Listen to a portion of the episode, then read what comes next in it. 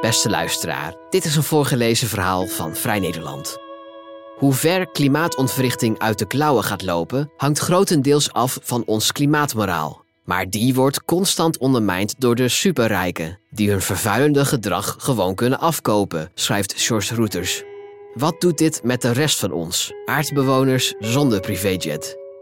Hoofdredacteur Wart Wijnolds leest voor.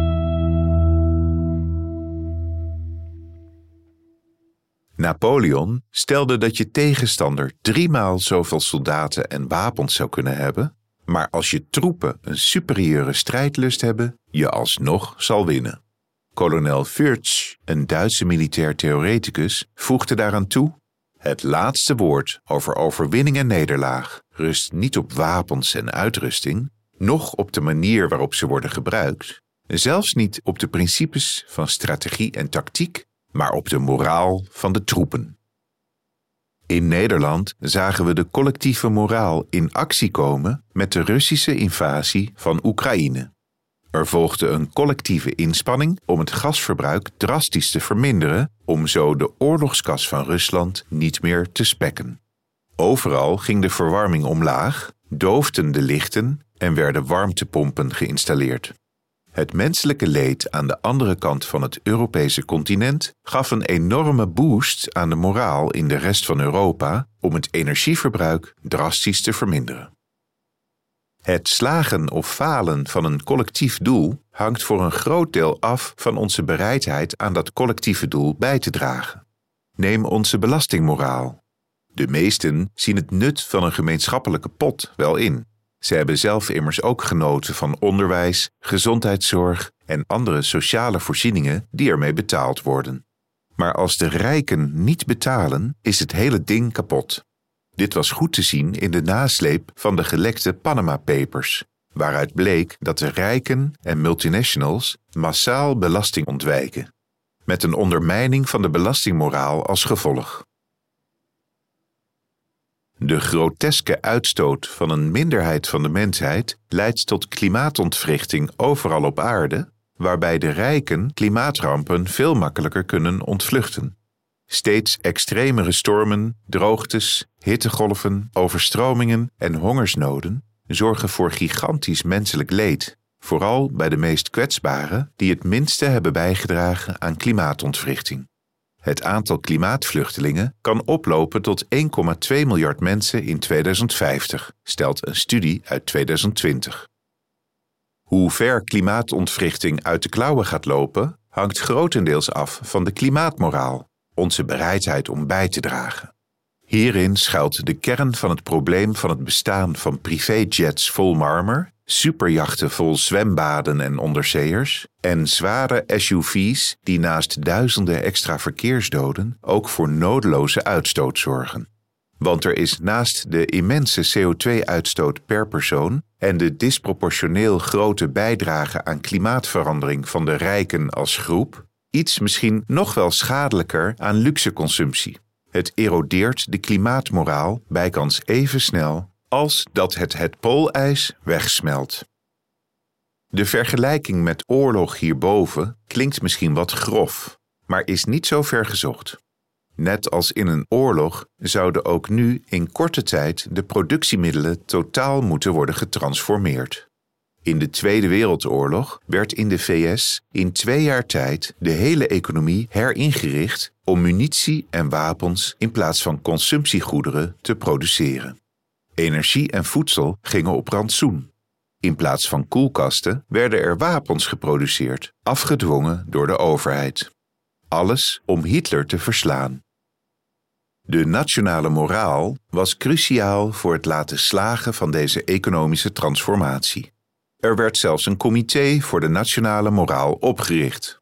Zoals de voorzitter van dit comité stelde: Morale wins wars, solves crises, is an indispensable condition of a vigorous national life. Dat geldt ook voor de klimaatcrisis. Om klimaatontwrichting niet compleet te laten ontsporen, moeten we binnen ons koolstofbudget blijven. Dat is de maximum hoeveelheid CO2 die we nog uit kunnen stoten willen we onder de anderhalve graad opwarming blijven, zoals afgesproken bij het Klimaatakkoord van Parijs. Wetenschappers hebben begin 2023 berekend dat we wereldwijd in totaal nog 380 gigaton CO2 kunnen uitstoten. Op de huidige koers is dat koolstofbudget in 2030 op. Laten we vooral dit optimistische scenario gebruiken, want er zijn ook wetenschappers die deze schatting met de nieuwe IPCC-methodologie recent hebben geüpdate en uitkomen op 260 gigaton CO2, waarmee het wereldwijde koolstofbudget in 2028 al op zou zijn. Koolstofdioxide uitstoten is op zichzelf niet slecht. Elke keer als we uitademen, brengen we CO2 de lucht in. Daarnaast komt er onvermijdelijk CO2 vrij als we proberen te overleven. De productie van voedsel, schoon drinkwater, huisvesting, kleding, gezondheidszorg, onderwijs. Alles zorgt op een of andere manier voor emissies. Het wordt pas echt problematisch, om niet te zeggen catastrofaal, als we overmatig veel CO2 de atmosfeer inbrengen. De Indiase klimaatwetenschappers Anil Agarwal en Sunita Narain problematiseerden daarom in een essay het gelijkstellen van verschillende soorten CO2-uitstoot. Natuurlijk, natuurkundig gezien is de CO2 die vrijkomt bij de productie van voedsel gelijk aan de CO2-uitstoot van een superjacht. Maar moreel gezien, Agarwal en Narain schrijven Can we really equate the carbon dioxide contributions of gas guzzling automobiles in Europe and North America, or for that matter, anywhere in the third world, with the methane emissions of draught cattle of subsistence farmers in West Bengal or Thailand? Do these people not have a right to live? Filosoof Henry Shue ontwikkelde op basis van dit concept een onderscheid tussen luxe-emissies en basisemissies. Luxe-emissies zijn het resultaat van nodeloze overconsumptie, zoals privéjets, superjachten of SUV's. Basisemissies gebeuren om te overleven en je staande te houden in de wereld. Zoals de Zweedse sociaal-ecoloog en activist Andreas Malm het omschrijft, The former happen because rich people like to wallow in the pleasure of their rank, the latter because poor people try to survive. Wat te doen? De vervuiler laten betalen, zeggen niet alleen progressieve clubs als GroenLinks en Greenpeace, maar ook steeds meer gevestigde economen. Een manier om dat te doen is het invoeren van een stevige CO2-belasting dan zal er minder worden vervuild volgens berekeningen van economen. Pay to pollute, betalen om te vervuilen. Maar er is iets mis met deze aanpak, legt de beroemde Amerikaanse Harvard-filosoof Michael Sandel uit. In zijn boek What Money Can't Buy uit 2012 zet hij uiteen wat geld allemaal niet kan kopen en welke averechtse effecten het heeft als je geld de plek van moraal in laat nemen. Zo is er een verschil tussen een boete en een tarief betalen. Sandel schrijft: boetes duiden op morele afkeuring, terwijl tarieven gewoon prijzen zijn die geen moreel oordeel impliceren.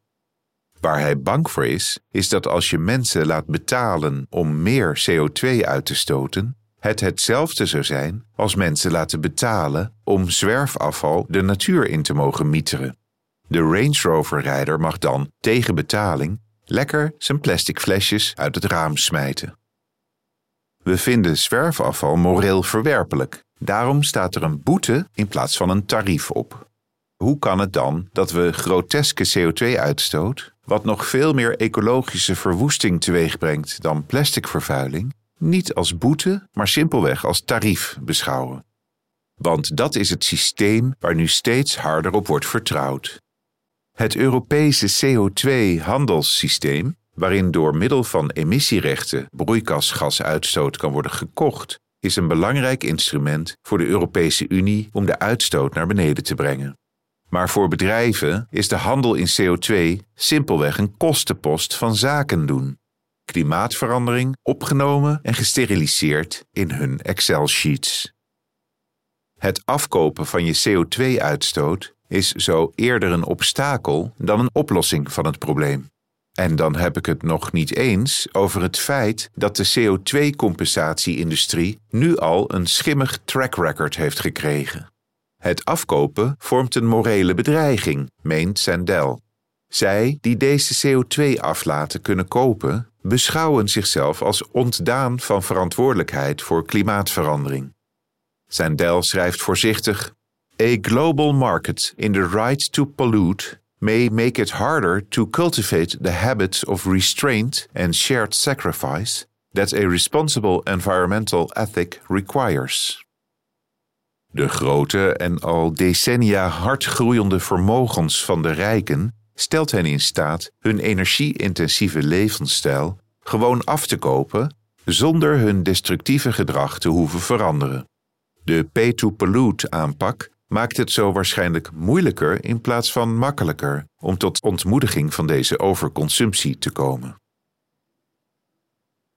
Wat doet dit met de rest van ons, aardbewoners zonder privéjet? Waarom zouden de niet-rijken nog moeite doen als de rijken de wereld over kunnen blijven vliegen in privéjets vol marmer en superjachten met overdekte tennisbanen en onderzeeërs aan boord? Waarom je biefstuk en zonvakantie in Turkije opgeven als de meest onnodige overconsumptie van de superrijken niet wordt ingeperkt? Cognitieve wetenschappers Nicolas Baumard en Coralie Chevalier stellen op basis van een grote hoeveelheid economische en psychologische studies dat altruïstisch gedrag de logica van voorwaardelijkheid volgt. Mensen laten keer op keer zien dat ze heel goed weten hoe ze altruïstisch kunnen zijn. Ze doen vrijwilligerswerk, eten vegetarisch, stoppen met vliegen, geven bloed, doneren aan goede doelen. Baumard en Chevalier schrijven: Humans cooperate on the condition that others cooperate. Conversely, they stop cooperating when they see that some are not doing their part. To be accepted, public policies and social norms must therefore incorporate this cooperative logic. Recent onderzoek van marktonderzoeker Noorstad in opdracht van onafhankelijke voorlichtingsorganisatie Milieu Centraal bevestigt dit. 75% van de Nederlanders maakt zich zorgen om het klimaat en een meerderheid noemt minder vliegen, 54%, en huizen sneller en meer isoleren, 67%, als belangrijke klimaatmaatregelen die we zouden moeten nemen. Driekwart van de Nederlanders staat open voor meer dwingende maatregelen, zegt Ika van der Pas, directeur-bestuurder van Milieu Centraal. Men wil dus hun levensstijl aanpassen, maar vooral als dat voor iedereen geldt. Het verwoestende effect van privéjets en andere groteske overconsumptie stopt dus niet bij de directe CO2-uitstoot ervan. De hyperconsumptie van de rijken, schrijven Baumard en Chevalier, leidt tot de ondermijning van het sociale contract en daarmee het vertrouwen tussen burgers. Met grote gevolgen. De reden dat de meesten van ons ons aan de wet houden, ons afval scheiden en onze impact op het milieu beperken, heeft niets te maken met angst voor de politie.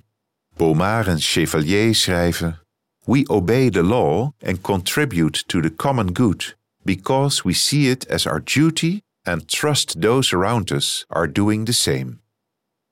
Iedereen wordt geconfronteerd met fundamentele veranderingen in hun manier van leven door klimaatverandering.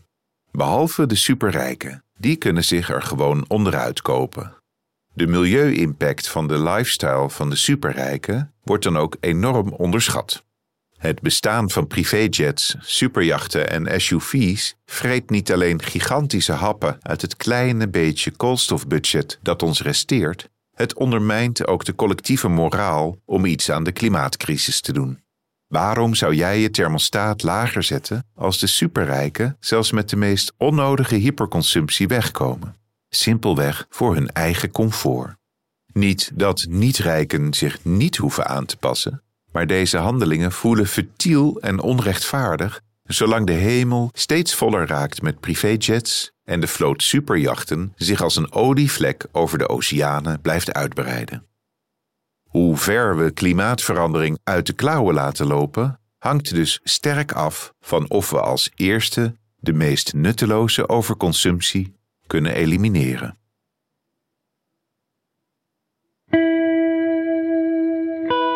Wil je meer verhalen van ons lezen of beluisteren? Kijk dan op vn.nl of abonneer je op Vrij Nederland in je podcast-app. Voor onze trouwe luisteraars hebben wij ook een speciale actie. Een half jaar Vrij Nederland online voor maar 15 euro. Kijk voor de aanbieding en de voorwaarden op vn.nl/podcast. Bedankt voor het luisteren.